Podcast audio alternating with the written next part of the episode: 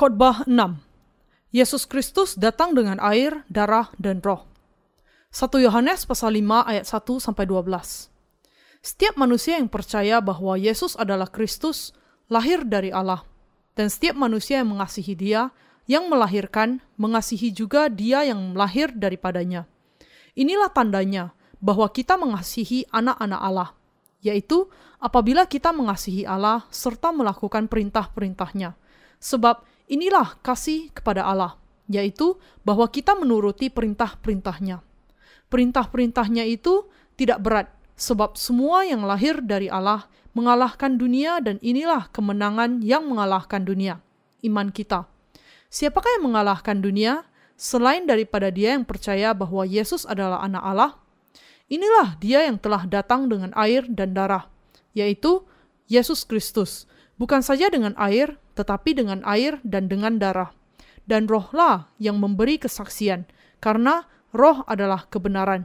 Sebab ada tiga yang memberi kesaksian di dalam surga, Bapa, Firman, dan Roh Kudus. Dan ketiganya adalah satu. Dan ada tiga yang memberi kesaksian di bumi, roh dan air dan darah. Dan ketiganya adalah satu.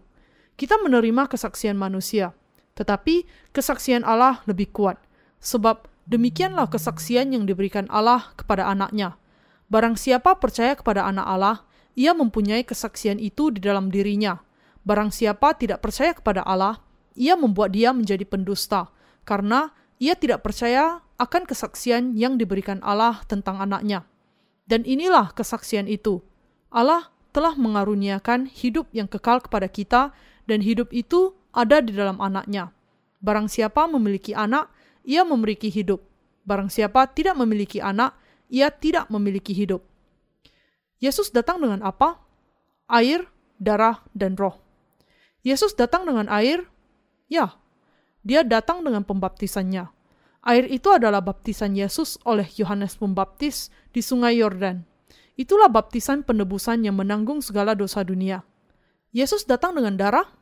Ya, dia datang dalam rupa manusia dan dibaptis untuk menanggung segala dosa dunia dan membayar upah dosa dengan mencurahkan darahnya di kayu salib. Yesus datang dengan darah. Yesus datang dengan roh? Ya, Yesus adalah Allah, tetapi dia datang sebagai roh di dalam daging untuk menjadi juru selamat orang berdosa. Banyak orang tidak percaya bahwa Yesus datang dengan air, darah, dan roh. Hanya beberapa orang saja percaya bahwa Yesus adalah Raja segala raja, Tuhan segala Tuhan dengan sungguh-sungguh. Kebanyakan orang masih meragukan, apakah Yesus sungguh-sungguh anak Allah atau anak manusia? Dan banyak manusia termasuk para teologi dan hamba Tuhan yang lebih percaya Yesus sebagai manusia daripada sebagai Tuhan, Juru Selamat, dan hakikat yang mutlak. Tetapi Tuhan berfirman bahwa orang yang percaya bahwa Yesus adalah Raja segala raja Allah yang sejati dan juru selamat akan diperanakkan di dalam dia. Mereka yang mengasihi Allah, mengasihi Yesus, dan mereka yang percaya kepada Allah secara sungguh-sungguh mengasihi Yesus dengan cara yang sama. Manusia tidak dapat mengalahkan dunia. Rasul Yohanes berkata kepada kita bahwa orang yang sungguh-sungguh Kristiani bisa mengalahkan dunia. Dan alasan mengapa yang setia bisa mengalahkan dunia adalah karena mereka memiliki iman kepada air, darah, dan roh Yesus. Kekuatan untuk mengalahkan dunia tidak bisa bersumber dari kehendak, usaha, dan semangat manusia.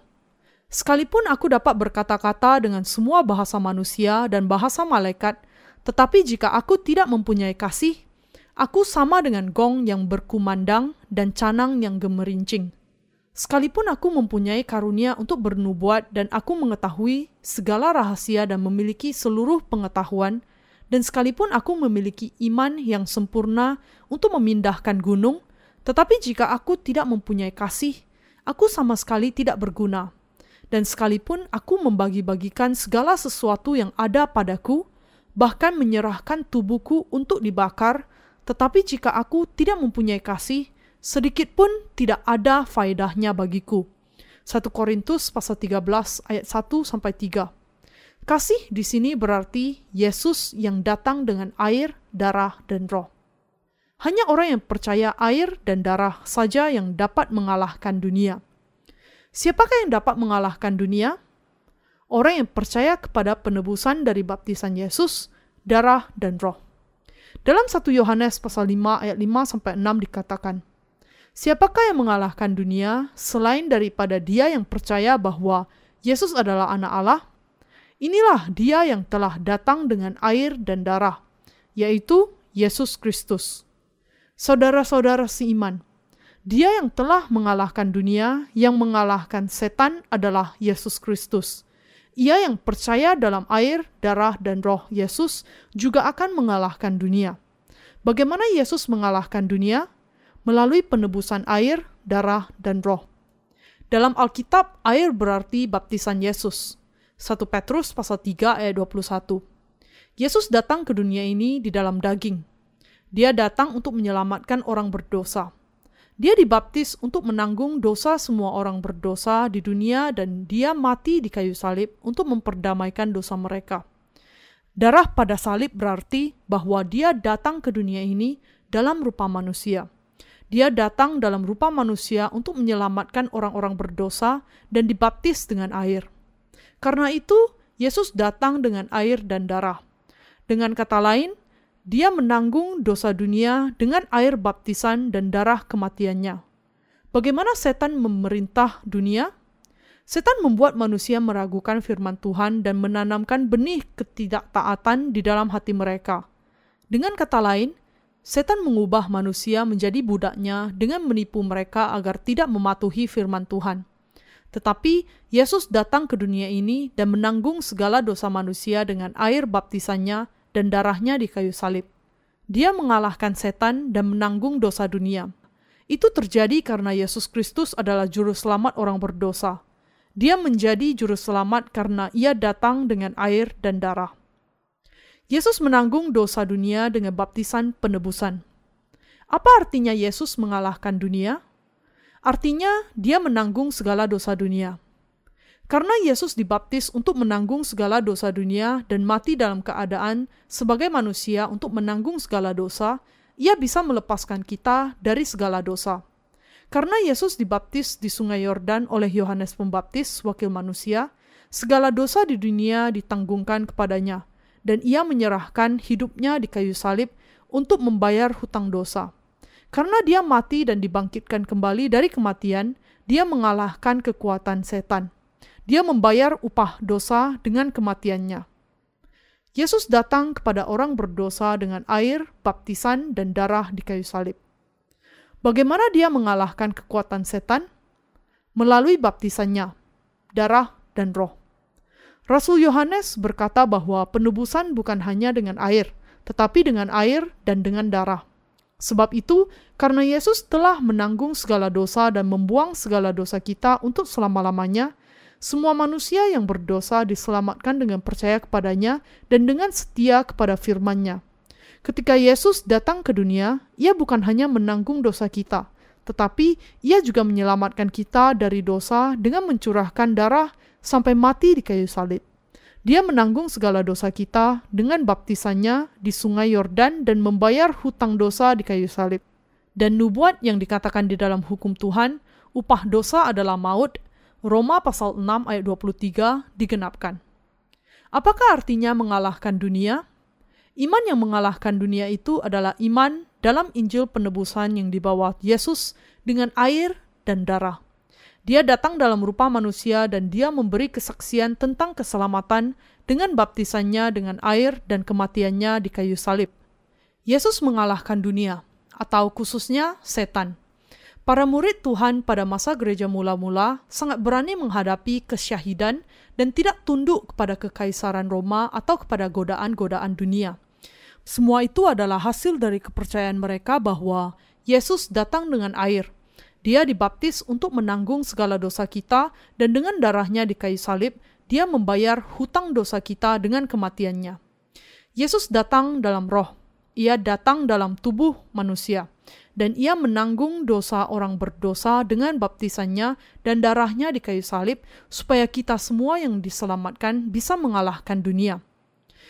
Juga, kamu sekarang diselamatkan oleh kiasannya, yaitu baptisan, oleh kebangkitan Yesus Kristus. 1 Petrus pasal 3 ayat 21. Apakah kiasan keselamatan? Baptisan Yesus. Dikatakan dalam 1 Petrus pasal 3 ayat 21. Juga, kamu sekarang diselamatkan oleh kiasannya, yaitu baptisan. Maksudnya bukan untuk membersihkan kenajisan jasmani, melainkan untuk memohonkan hati nurani yang baik kepada Allah oleh kebangkitan Yesus Kristus. Rasul Petrus memberi kesaksian bahwa Yesus adalah juru selamat dan dia datang dengan air baptisan, dan darah. Sebagai akibatnya, kita harus percaya kepada Yesus yang datang dengan air dan darah. Dan kita harus mengetahui bahwa air baptisan Yesus adalah kiasan yang menyelamatkan kita.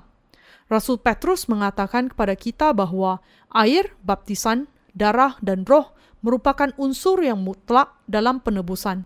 Tak satu pun di antara para murid yang percaya kepada darah di kayu salib tanpa percaya kepada baptisan Yesus. Hanya percaya kepada darah adalah setengah dari iman. Iman yang hanya setengah akan menjadi pudar sejalan dengan berlalunya waktu. Namun iman yang percaya Injil air, darah, dan roh akan menjadi lebih kuat sejalan dengan waktu. Tetapi ajaran Injil darah saja menjadi semakin kuat di dunia masa ini. Mengapa? Orang-orang tidak tahu firman kebenaran, penebusan air dan roh, sehingga mereka tidak dapat dilahirkan kembali. Pada suatu waktu, gereja di barat terjebak ke dalam takayul. Mereka nampaknya berkembang untuk sementara, namun hamba-hamba setan mengubah iman menjadi takayul. Takayul percaya bahwa iblis akan melarikan diri kalau seseorang menggambar salib pada sehelai kertas atau kayu, dan bahwa setan akan melarikan diri kalau seseorang percaya kepada darah Yesus. Melalui iman takayul itu, setan menipu manusia untuk percaya bahwa mereka hanya perlu percaya kepada darah Yesus. Setan berpura-pura takut kepada darah sambil berkata, Yesus mencurahkan darah untuk orang berdosa. Tetapi Petrus dan semua murid-murid lain memberi kesaksian mengenai Injil baptisan Yesus yang benar dan pencurahan darah di kayu salib. Namun demikian, apa yang disaksikan orang Kristen sekarang ini? Mereka memberi kesaksian mengenai darah Yesus saja. Namun kita harus percaya firman yang tercatat dalam Alkitab dan percaya kepada keselamatan roh terhadap baptisan Yesus dan terhadap darah. Kalau kita mengabaikan baptisan Yesus dan hanya memberi kesaksian tentang kenyataan bahwa Yesus mati di kayu salib untuk kita, keselamatan tidak bisa menjadi sempurna. Firman kesaksian untuk keselamatan melalui air dari Tuhan. Apakah bukti bahwa Tuhan menyelamatkan kita? Air, darah, dan roh. Dalam 1 Yohanes pasal 5 ayat 8, Tuhan berfirman, ada tiga yang memberi kesaksian di bumi. Yang pertama adalah roh, yang kedua adalah air baptisan Yesus, dan yang ketiga adalah darah di kayu salib. Ketiganya adalah satu. Yesus datang ke dunia ini untuk menyelamatkan kita semua dari dosa-dosa. Dia sendiri melakukan itu dengan tiga hal, baptisan, darah, dan roh. Ada tiga yang memberi kesaksian, ada tiga hal yang membuktikan bahwa Tuhan menyelamatkan kita. Bukti itu adalah air baptisan Yesus, darah, dan roh. Ketiganya adalah yang dilakukan Yesus untuk kita di dunia ini. Kalau salah satu di antara ketiganya dihilangkan, keselamatan menjadi tidak sempurna. Ada tiga yang memberi kesaksian di dunia: roh, air, dan darah.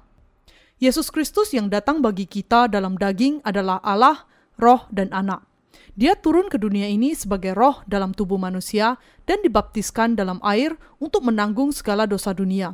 Dan ia menanggung segala dosa kepada tubuhnya dan menyelamatkan kita orang berdosa dengan mencurahkan darah dan mati di kayu salib. Dia membayar hutang dosa secara sempurna. Itulah Injil penebusan yang sempurna dengan air, darah, dan roh. Kalau salah satu di antara ketiganya dihilangkan, berarti menolak keselamatan Allah yang sudah menyelamatkan kita dari dosa. Kalau kita menyetujui pendapat kebanyakan orang di masa sekarang ini, maka kita harus mengatakan ada dua yang memberi kesaksian di dunia, darah dan roh. Tetapi Rasul Yohanes berkata bahwa ada tiga yang memberi kesaksian, air baptisan Yesus, darah di kayu salib, dan roh. Rasul Yohanes sangat jelas memberi kesaksiannya. Iman yang menyelamatkan orang berdosa adalah iman dalam roh, air, dan darah. Di manakah iman yang memungkinkan manusia untuk mengalahkan dunia? Iman yang percaya bahwa Yesus datang dengan air, darah, dan roh. Milikilah iman kepada ketiga hal itu dan terimalah keselamatan dan kehidupan yang kekal. Sempurnakah keselamatan tanpa baptisan Yesus? Tidak. Dahulu, sebelum saya dilahirkan kembali, saya juga seorang Kristen yang hanya percaya kepada darah di kayu salib dan roh. Saya percaya bahwa dia turun sebagai roh dan mati bagi saya di kayu salib dan menyelamatkan saya dari segala dosa. Saya hanya percaya kedua hal itu dan cukup berani untuk mengajarkan hal itu kepada semua orang. Saya berencana untuk belajar teologi dan menjadi utusan Injil agar bekerja dan mati bagi manusia seperti yang dilakukan Yesus. Saya merencanakan banyak rencana besar. Tetapi selama saya hanya percaya kedua hal itu saja, selalu ada dosa dalam hati saya. Karena itu, saya tidak dapat mengalahkan dunia. Saya tidak bisa bebas dari dosa. Ketika hanya percaya darah dan roh saja, saya masih memiliki dosa di dalam hati saya Alasan saya masih memiliki dosa di dalam hati, meskipun saya sudah percaya Yesus, adalah karena saya tidak tahu mengenai air baptisan Yesus. Pembebasan saya tidak sempurna sampai saya diselamatkan dengan percaya kepada air baptisan, darah, dan roh.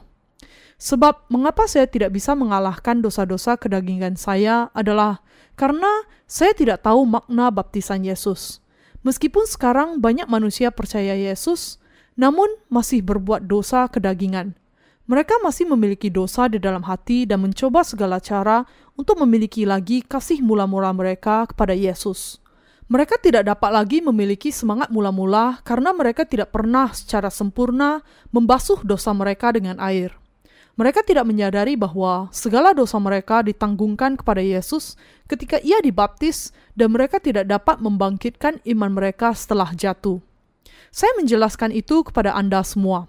Kita dapat hidup dalam iman dan mengalahkan dunia ketika kita percaya kepada Yesus.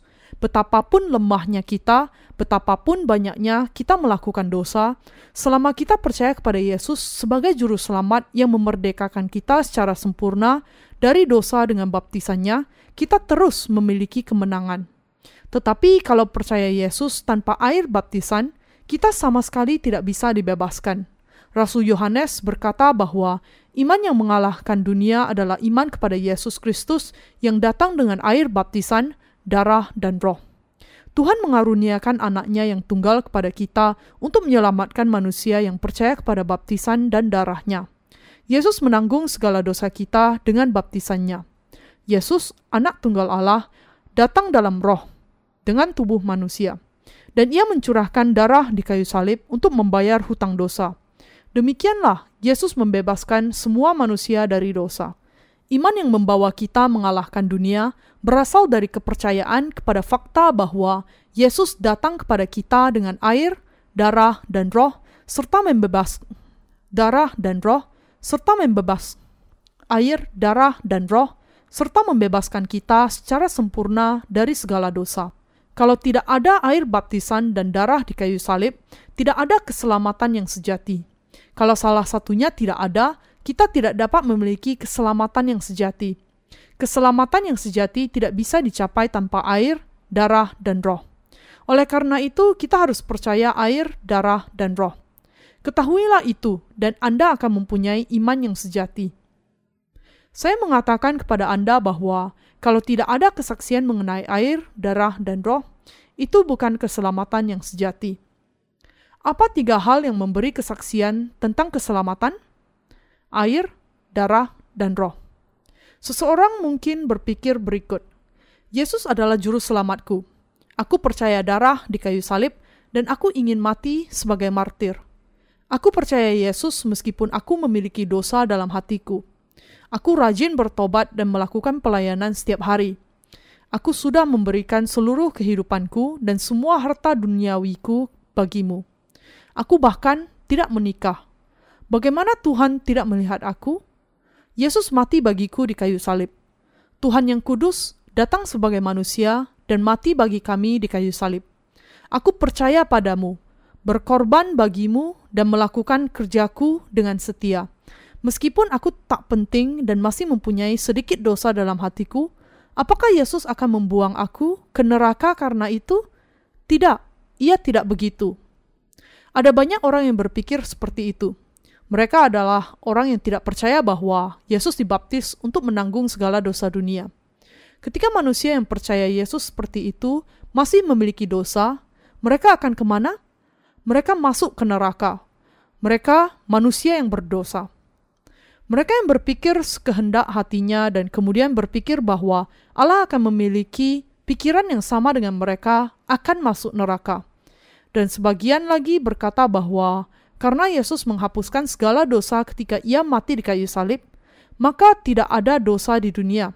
Tetapi orang itu hanya berbicara tentang darah dan roh. Itu bukan iman yang menghantar manusia-manusia ke penebusan yang sejati. Kita harus percaya bahwa Yesus menanggung dosa-dosa kita melalui baptisannya, dihakimi dan mati di kayu salib untuk kita, dan bahwa ia dibangkitkan kembali pada hari yang ketiga. Tanpa iman semacam itu, tidak ada penebusan yang sejati. Yesus Kristus dibaptiskan, mati di kayu salib, dan bangkit kembali. Yesus Kristus datang kepada kita dengan air, darah, dan roh. Ia menanggung segala dosa di dunia. Ada tiga yang memberi kesaksian di dunia: roh, air, dan darah. Roh Kudus memberi kesaksian bahwa Yesus adalah Tuhan dan Ia turun dalam tubuh manusia. Berikutnya, kesaksian tentang air. Air adalah baptisan Yesus di Sungai Yordan oleh Yohanes Pembaptis yang melaluinya dosa kita ditanggungkan kepada Yesus. Segala dosa kita ditanggungkan kepadanya ketika ia dibaptis. Matius pasal 3 ayat 15. Kesaksian ketiga adalah darah yang melambangkan hidup baru dan peranan Yesus memikul hukuman bagi kita. Yesus mati demi kita, dihakimi demi kita, dan bangkit kembali pada hari yang ketiga. Allah Bapa mengutus Roh Kudus ke dalam hati orang yang percaya kepada baptisan dan darah anaknya agar memberi kesaksian bagi keselamatan kita. Manusia yang dilahirkan kembali mempunyai firman yang bisa dipakai untuk mengalahkan dunia. Manusia yang diselamatkan akan mengalahkan setan dusta nabi-nabi palsu, dan halangan atau tekanan yang menyerang mereka dengan tak henti-hentinya. Kita memiliki kuasa ini karena kita mempunyai tiga hal di dalam hati kita: air Yesus, darahnya, dan roh. Kita mengalahkan setan dan dunia karena kita percaya kepada roh, air, dan darah. Manusia yang percaya baptisan dan darah Yesus mengalahkan para nabi palsu. Iman kita dengan kuasa untuk mengalahkan terletak di air, darah, dan roh. Anda percaya itu? Bagaimana kita mengalahkan dunia dan setan? Dengan percaya kepada tiga kesaksian. Anda tidak bisa dilahirkan kembali dan juga tidak bisa mengalahkan dunia kalau tidak memiliki iman di dalam penebusan melalui baptisan Yesus, darahnya, dan percaya bahwa Yesus adalah anak Allah dan juru selamat. Apakah itu ada dalam hati Anda? Anda memiliki roh dan air di dalam hati Anda? Anda percaya segala dosa ditanggungkan kepada Yesus? Anda memiliki darah salib di dalam hati Anda?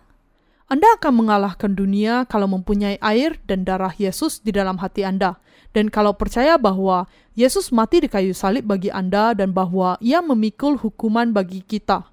Rasul Yohanes mengalahkan dunia karena dia mempunyai tiga unsur ini dalam hatinya dan dia berbicara tentang penebusan untuk seluruh saudara seimannya yang sedang menahan masalah dan ancaman.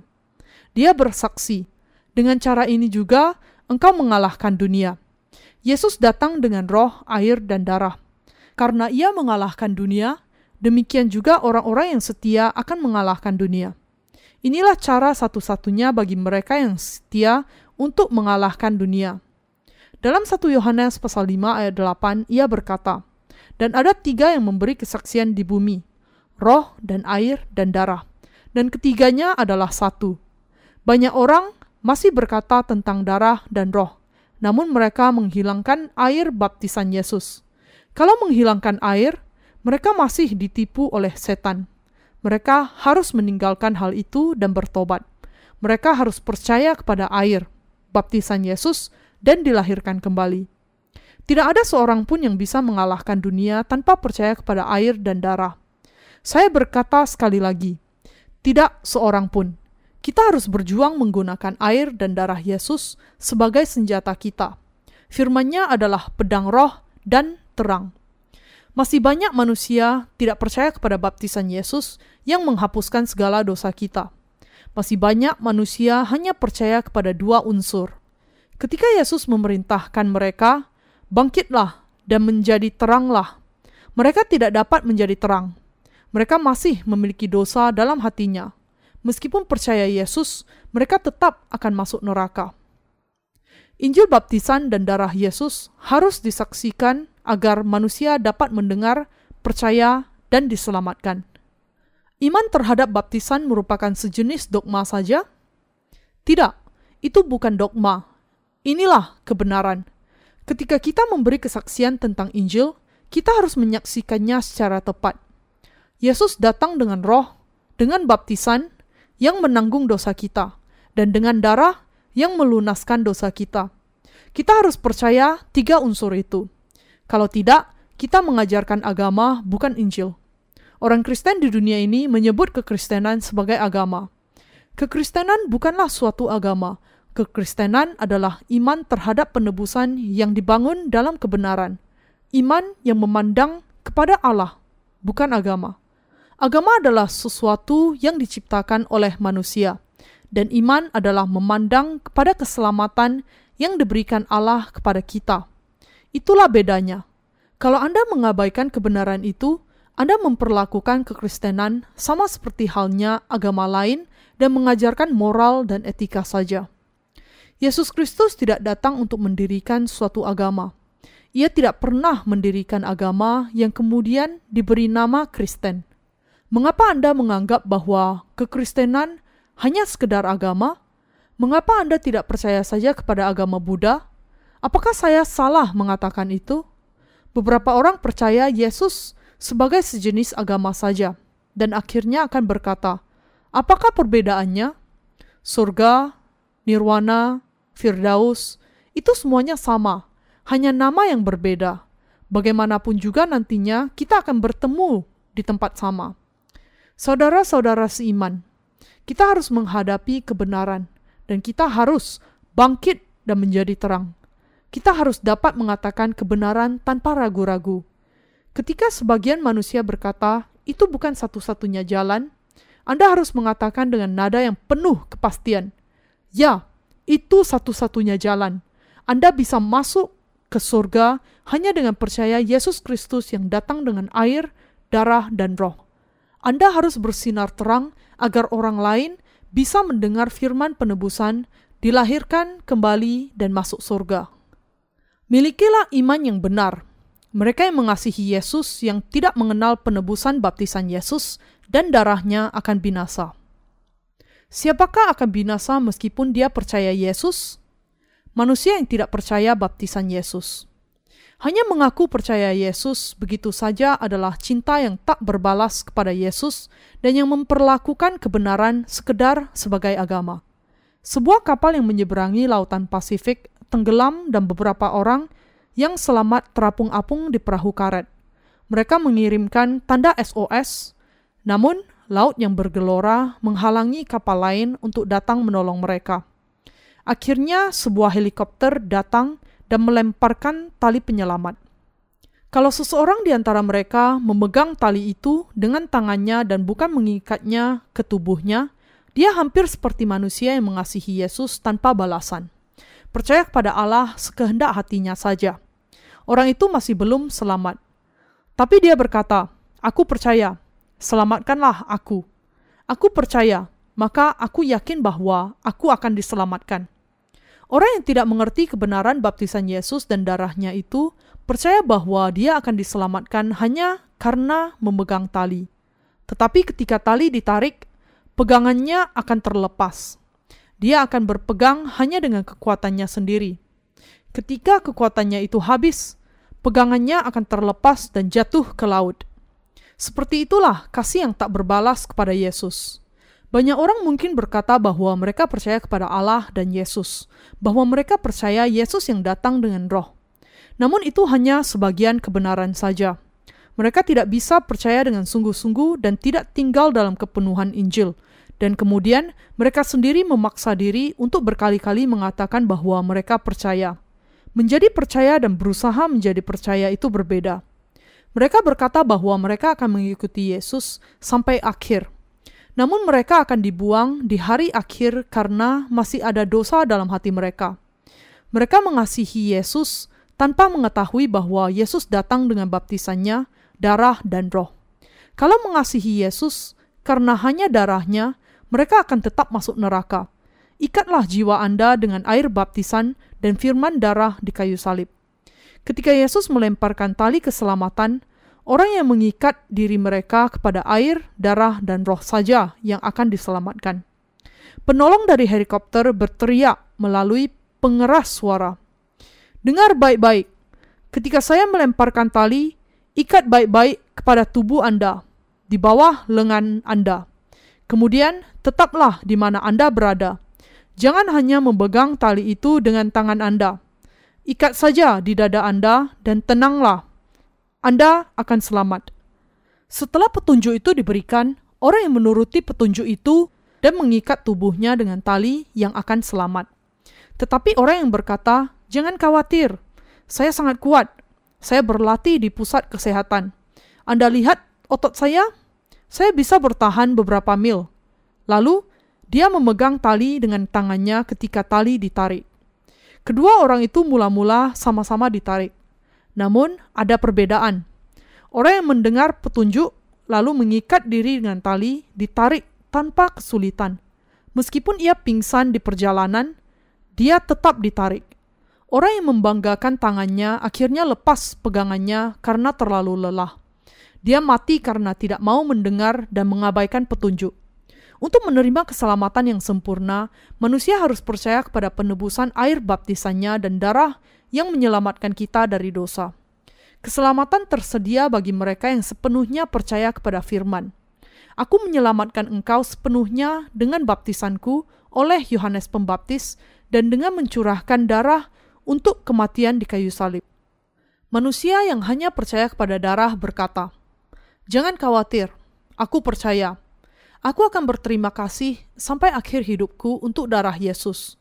Aku akan mengikut Yesus sampai akhir dan iman saya hanya kepada darah itu akan lebih dari cukup untuk mengalahkan dunia dan segala dosa selama sisa kehidupan saya. Tetapi itu belum cukup. Mereka yang dikatakan Allah sebagai umatnya adalah mereka yang percaya kepada tiga unsur. Bahwa Yesus datang dengan roh dan dibaptis, Yesus menanggung segala dosa dunia dengan baptisannya di sungai Yordan dan mati di kayu salib untuk membayar segala hutang dosa dan dibangkitkan kembali dari kematian. Roh Kudus hanya datang kepada mereka yang percaya tiga unsur itu dan bersaksi bagi mereka. Ya, aku adalah juru selamatmu. Aku menyelamatkan kamu dengan air dan darah. Aku adalah Allahmu. Tetapi kepada manusia yang tidak percaya tiga unsur itu, Tuhan tidak mengaruniakan keselamatan.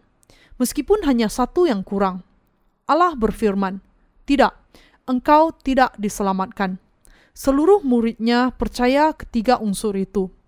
Yesus mengatakan bahwa baptisannya adalah saksi bagi keselamatan dan darahnya adalah hukuman itu. Rasul Paulus dan Petrus juga memberi kesaksian kepada baptisan dan darah Yesus. Apakah Rasul Paulus berkata mengenai baptisan Yesus? Marilah kita melihat berapa kali dia berkata tentang baptisan Yesus.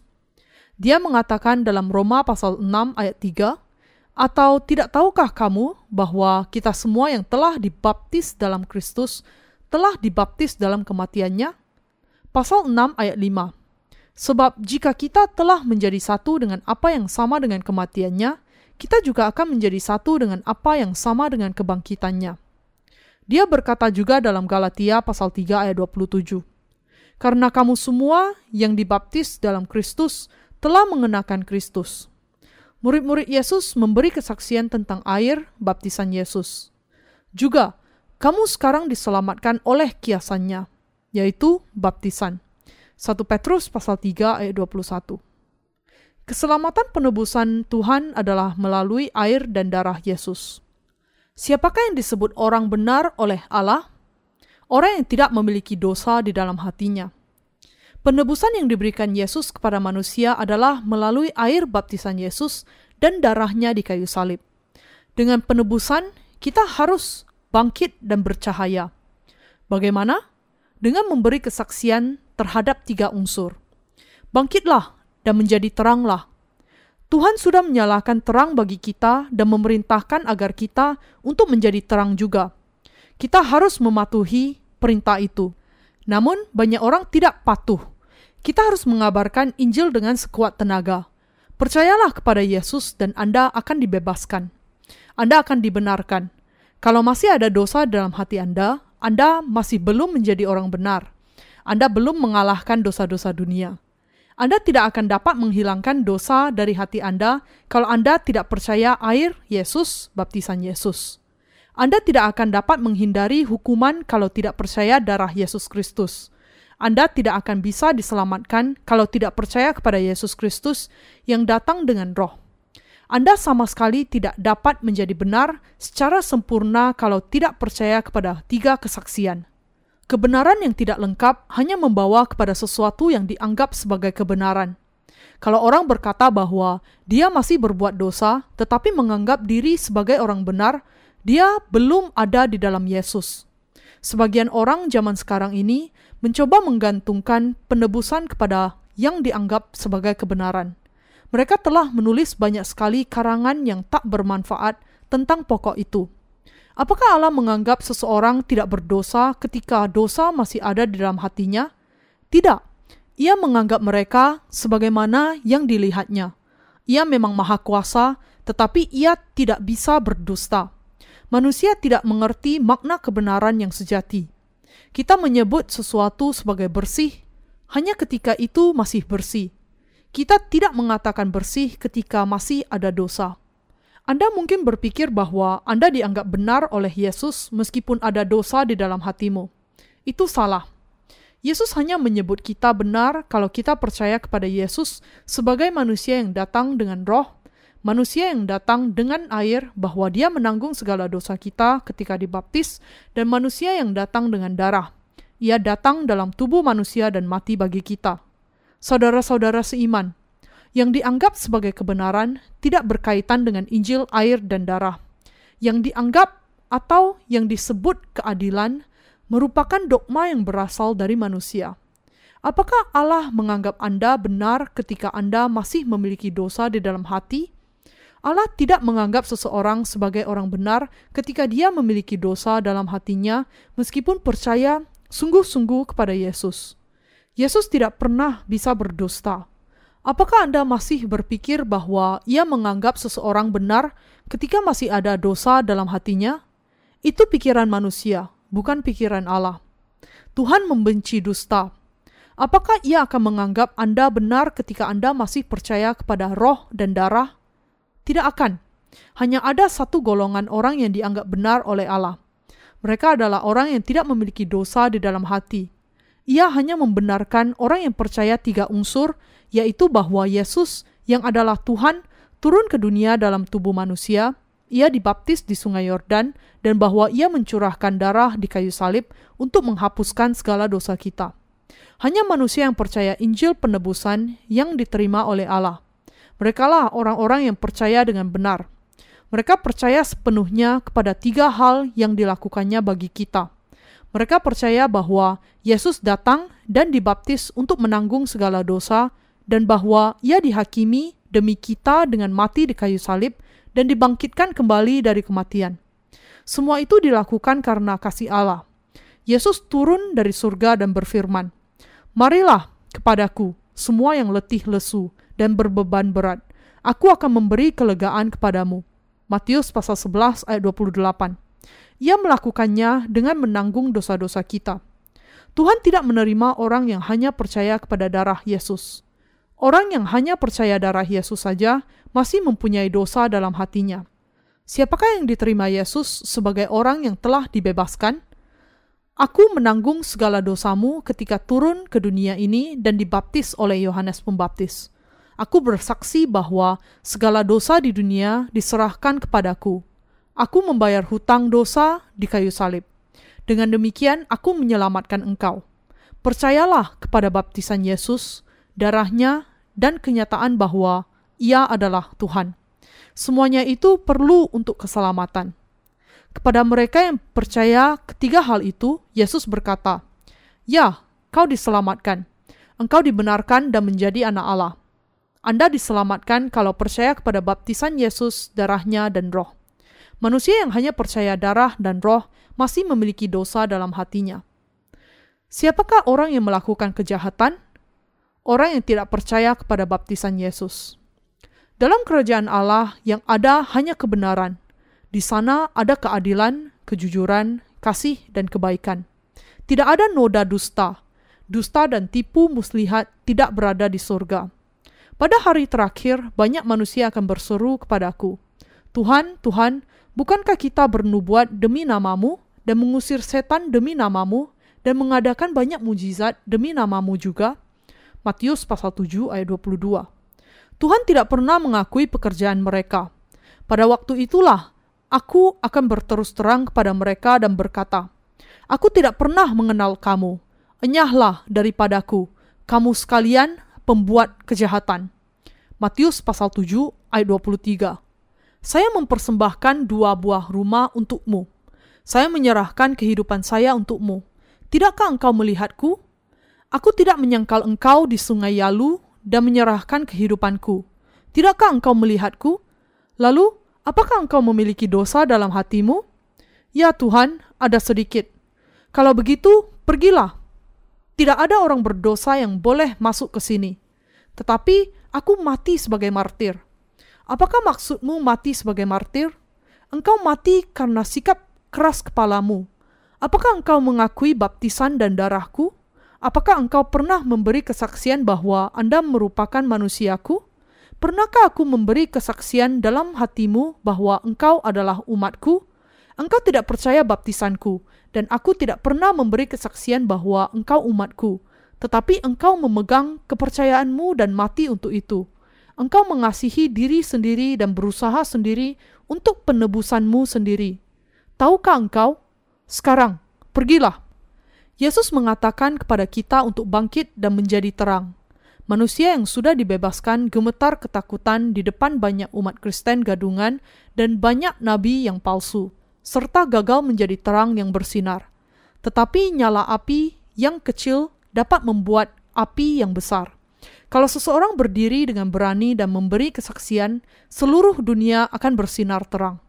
Dalam Yesaya pasal 60 ayat 1 sampai 2 katanya, Bangkitlah, menjadi teranglah, sebab terangmu datang dan kemuliaan Tuhan terbit atasmu.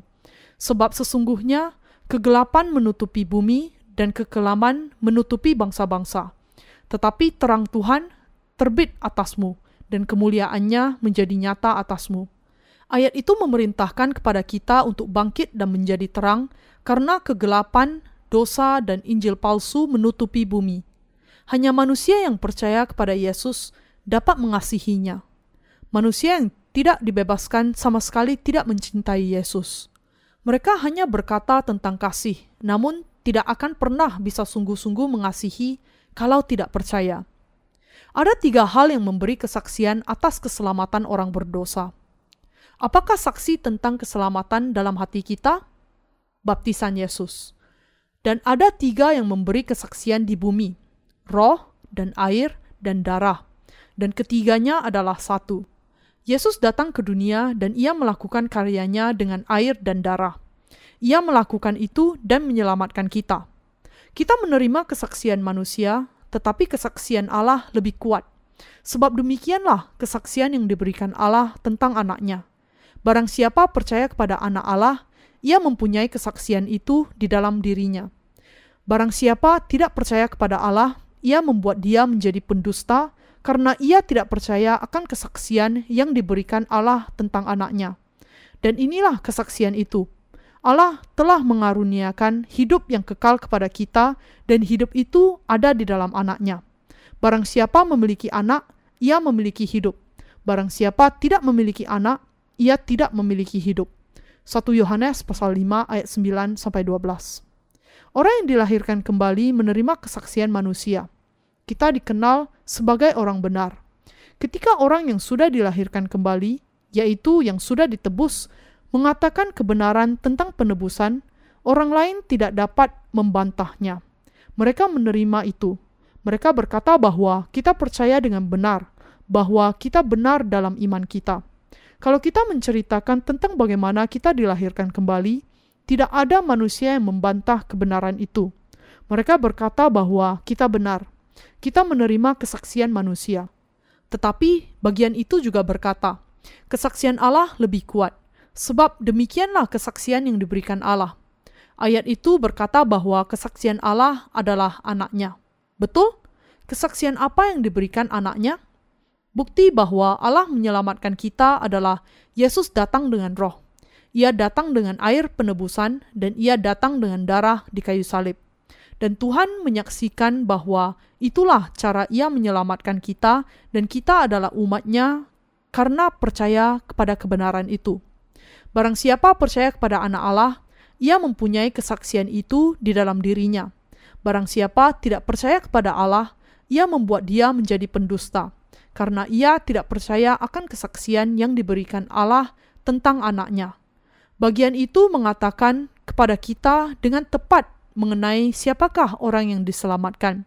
Dikatakan bahwa orang yang percaya kepada anak Allah mempunyai kesaksian itu dalam dirinya. Apakah Anda mempunyai kesaksian itu di dalam hati Anda? Kesaksian itu berada di dalam diri Anda dan saya. Tuhan turun ke bumi demi kita. Ia datang dalam daging melalui tubuh Maria. Ketika berumur 30 tahun, ia dibaptis untuk menanggung segala dosa kita. Dan akibat dosa kita, ia menjalani hukuman di kayu salib, ia dibangkitkan kembali pada hari yang ketiga untuk mengaruniakan kehidupan yang kekal. Demikianlah Yesus menyelamatkan kita. Apa yang akan terjadi kalau ia tidak bangkit? Bagaimana ia bersaksi bagi kita dari dalam kubur? Itulah sebabnya ia menjadi juru selamat saya. Itulah yang kita percaya. Dan seperti yang dikatakannya, ia menyelamatkan kita melalui baptisan dan darahnya. Dan karena kita percaya, Anda dan saya diselamatkan. Kesaksian itu ada di dalam saya dan di dalam Anda. Benar? Manusia yang dibebaskan tidak pernah mengabaikan air baptisannya. Kita tidak pernah menghilangkan hal-hal yang dilakukannya untuk menyelamatkan kita. Karena demikianlah sepatutnya kita menggenapkan seluruh kehendak Allah. Matius pasal 3 ayat 15. Kita tidak pernah menyangkal bahwa Yesus menanggung segala dosa kita di sungai Yordan ketika dibaptis oleh Yohanes Pembaptis. Manusia yang dibebaskan tidak pernah menyangkal air baptisan Yesus. Manusia yang percaya namun tidak dibebaskan terus menyangkali baptisan Yesus. Siapa yang membuat Allah sebagai pendusta? Orang yang tidak percaya kepada baptisan Yesus. Betapa tepatnya ketika Rasul Yohanes berkata, Barang siapa tidak percaya kepada Allah, ia membuat dia menjadi pendusta. Kalau Rasul Yohanes hidup di sini dan sekarang, apa yang dikatakannya kepada kita orang Kristen? Dia akan bertanya, apakah Yesus menanggung segala dosa kita ketika dibaptis? Tidakkah Yohanes Pembaptis juga bersaksi bahwa Yesus menebus kita dengan baptisannya? Tidakkah dosamu ditanggungkan kepada kepala Yesus dan tidakkah ia memikul dosamu ketika ia aku baptiskan? dia akan bersaksi bahwa Yesus dibaptis untuk menyelamatkan engkau. Manusia yang tidak percaya kepada Allah, yang tidak percaya kepada segala karyanya untuk menyelamatkan kita, membuat dia menjadi pendusta.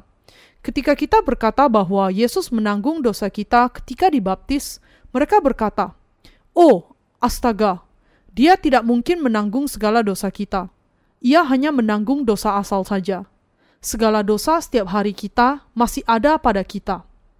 Mereka terus yakin bahwa mereka harus bertobat setiap hari dan mengakui segala dosa masa kini agar mendapat kebebasan. Itulah yang mereka percayai. Apakah Anda semua juga berkata seperti itu? Manusia yang tidak percaya dosa-dosa kita dihapuskan dengan baptisannya membuat Allah menjadi pendusta. Yesus menebus kita sekali untuk seterusnya ketika ia dibaptis dan mencurahkan darahnya di kayu salib. Siapakah yang berdusta? manusia yang tidak percaya kepada baptisan Yesus. Dia dibaptis dan menanggung segala dosa kita sekali untuk seterusnya. Allah menyelamatkan mereka yang percaya baptisan dan darah Yesus, namun meninggalkan mereka yang tidak percaya. Mereka masuk neraka. Sebab itu, masalah kita diselamatkan atau tidak tergantung kepada apa yang kita percayai. Yesus membebaskan dunia dari segala dosa. Mereka yang percaya akan diselamatkan, dan yang tidak percaya tidak akan diselamatkan, karena mereka membuat Tuhan menjadi pendusta. Manusia tidak masuk neraka karena kekurangan iman, tetapi karena kurang percaya. Barang siapa tidak percaya kepada Allah, ia membuat dia menjadi pendusta. Barang siapa tidak percaya bahwa segala dosanya ditanggungkan kepada Yesus, masih memiliki dosa dalam hatinya. Ia tidak dapat berkata bahwa ia tidak memiliki dosa. Suatu saat saya bertemu seseorang diaken dan bertanya kepadanya, "Diaken, apakah dosa saya akan dihapuskan kalau saya percaya Yesus?" Tentu saja. Kalau begitu, karena Yesus menanggung segala dosa dunia dan mengatakan bahwa semua itu sudah berakhir, Anda telah diselamatkan, benar? Ya, saya telah diselamatkan. Kalau begitu, Anda pasti tidak memiliki dosa. Ya, saya begitu. Apa yang terjadi kalau Anda berdosa lagi? Kita ini manusia belaka. Bagaimana bisa kita tidak membuat dosa lagi?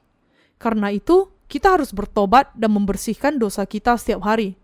Diaken itu masih memiliki dosa di dalam hatinya karena tidak tahu kebenaran mengenai penebusan sempurna. Orang seperti dialah yang menghina Allah dan membuat dia menjadi pendusta. Apakah Yesus yang adalah Tuhan gagal dalam membuang segala dosa dunia? Itu sangat tidak mungkin. Kalau Yesus tidak berhasil membuang segala dosa, bagaimana dia dapat menjadi Allah penyelamat? Bagaimana ia dapat memerintahkan kita untuk percaya kepadanya? Apakah Anda akan membuat ia menjadi pendusta? Saya menasehatkan agar Anda tidak melakukan hal itu. Alkitab melarang kita menghina dia. Itu berarti jangan membuat ia menjadi pendusta dan jangan mencoba menipu dia. Dia berbeda dengan kita. Rasul Yohanes mengatakan kepada kita dengan tepat tentang Injil penebusan. Banyak manusia tidak ingin percaya kepada hal yang telah dilakukan Tuhan bagi kita. Kenyataan bahwa Yesus Kristus datang dengan air, darah, dan roh. Kalau ada orang yang tidak percaya apa yang dikatakan kepada mereka, dan ada orang yang percaya kepada hal yang telah dilakukan Tuhan bagi kita, manusia yang berkata di hadapan Tuhan, "Saya benar," dan manusia yang berkata, "Saya berdosa." Siapakah yang mengatakan yang sebenarnya? Manusia yang tidak percaya kepada apa yang dilakukan Tuhan, kesaksian air, darah, dan roh adalah pendusta. Mereka memiliki iman yang salah. Manusia yang tidak percaya sedang membuat Allah menjadi pendusta. Jangan membuat dia menjadi pendusta. Yesus datang ke Sungai Yordan dan dengan itu, dengan dibaptis, menggenapkan seluruh kehendak Allah, menanggung dosa dunia. Orang yang tidak benar menyangkali baptisan Yesus dan kekudusannya. Apa yang disangkal setan dan iblis? Baptisan Yesus dan kekudusannya. Orang yang percaya kepada anaknya mempunyai kesaksian di dalamnya. Orang yang dibebaskan percaya bahwa dosanya ditanggungkan kepada Yesus ketika dia dibaptis dan bahwa dia dibebaskan dengan air dan darah Yesus. Dia percaya bahwa Yesus dilahirkan di dunia ini melalui rahim Maria. Dia dibaptis di Sungai Yordan sebelum mati di kayu salib. Dia mati dan dibangkitkan kembali. Orang-orang benar memiliki kesaksian. Bukti keselamatan kita berada dalam iman kepada Yesus yang datang dengan air, darah, dan roh. Kesaksian itu ada di dalam diri Anda. Memiliki kesaksian dalam diri Anda. Saya katakan kepada Anda, bukan keselamatan kalau tidak ada kesaksian, bukti keselamatan yang ada di dalam Anda. Rasul Yohanes berkata, Barang siapa percaya kepada anak Allah, ia mempunyai kesaksian itu di dalam dirinya. Apakah orang bisa mempunyai kesaksian dengan percaya hanya kepada darahnya di kayu salib? Atau hanya percaya kepada air dan tidak percaya kepada darah, Anda harus percaya kepada semuanya untuk diterima oleh Allah. Hanya dengan cara itu, Yesus akan memberi kesaksian bahwa engkau diselamatkan. Apakah Anda berkata bahwa Anda akan mempunyai kesaksian kalau percaya kepada hanya dua unsur saja? Itu yang dinamakan percaya Allah sekehendak hati Anda. Dan dalam hal itu, maka Anda bersaksi untuk diri sendiri. Ada banyak orang yang demikian. Di dunia ada banyak orang yang percaya hanya dua dari ketiga unsur yang ada. Mereka bersaksi bahwa mereka telah diselamatkan dan mengarang buku tentang itu. Betapa hebatnya tulisan mereka. Mereka menyebut dirinya kaum Injili. Mereka tidak hanya merasa sebagai Injili, tetapi juga yang rohani. Mereka tidak percaya air, namun masih berbicara tentang keselamatan. Betapa masuk akal apa yang mereka katakan, tetapi mereka tidak mempunyai kesaksian Allah. Semuanya hanya hipotesis. Bagaimana Anda bisa mengatakan hal itu sebagai keselamatan? Hanya manusia yang percaya Yesus yang datang dengan roh, air, dan darah yang mempunyai kesaksian Allah dan manusia. Rasul Paulus mengatakan, sebab Injil yang kita beritakan bukan disampaikan kepada kamu dengan kata-kata saja, tetapi juga dengan kekuatan oleh roh kudus dan dengan suatu kepastian yang kokoh. 1 Tesalonika pasal 1 ayat 5 Setan senang ketika manusia percaya hanya kepada darah Yesus. Oh, manusia bodoh, kamu aku bohongi. Ha. Banyak orang percaya bahwa ketika mereka memuji-muji darah Yesus, setan pergi. Mereka berpikir bahwa setan takut salib. Setan hanya berpura-pura. Kita tidak boleh dibohongi. Ketika iblis merasuki seseorang, orang itu bisa menjadi gila dan mulutnya berbusa. Itu bukan hal yang sulit untuk iblis. Iblis memiliki kuasa untuk membuat manusia melakukan apa saja. Iblis hanya harus berpikir sedikit. Tuhan memberi kepada iblis semua kuasa kecuali untuk membunuh. Iblis dapat membuat manusia gemetar seperti daun, berteriak dan berbusa mulutnya. Ketika hal itu terjadi, orang percaya berseru, "Pergilah dalam nama Yesus, pergilah." Dan ketika orang itu sadar kembali dan kembali normal, mereka berkata bahwa itulah kuasa darah Yesus, tetapi itu bukan kuasa darahnya. Itu hanya pertunjukan yang dilakukan iblis. Setan dan iblis sangat takut kepada orang yang percaya Yesus, yang membasuh kita hingga bersih dengan baptisannya, dan yang menanggung hukuman bagi kita dengan darahnya dan dibangkitkan pada hari ketiga. Setan tidak akan dekat-dekat kepada kesaksian baptisan Yesus dan keselamatan dari darahnya.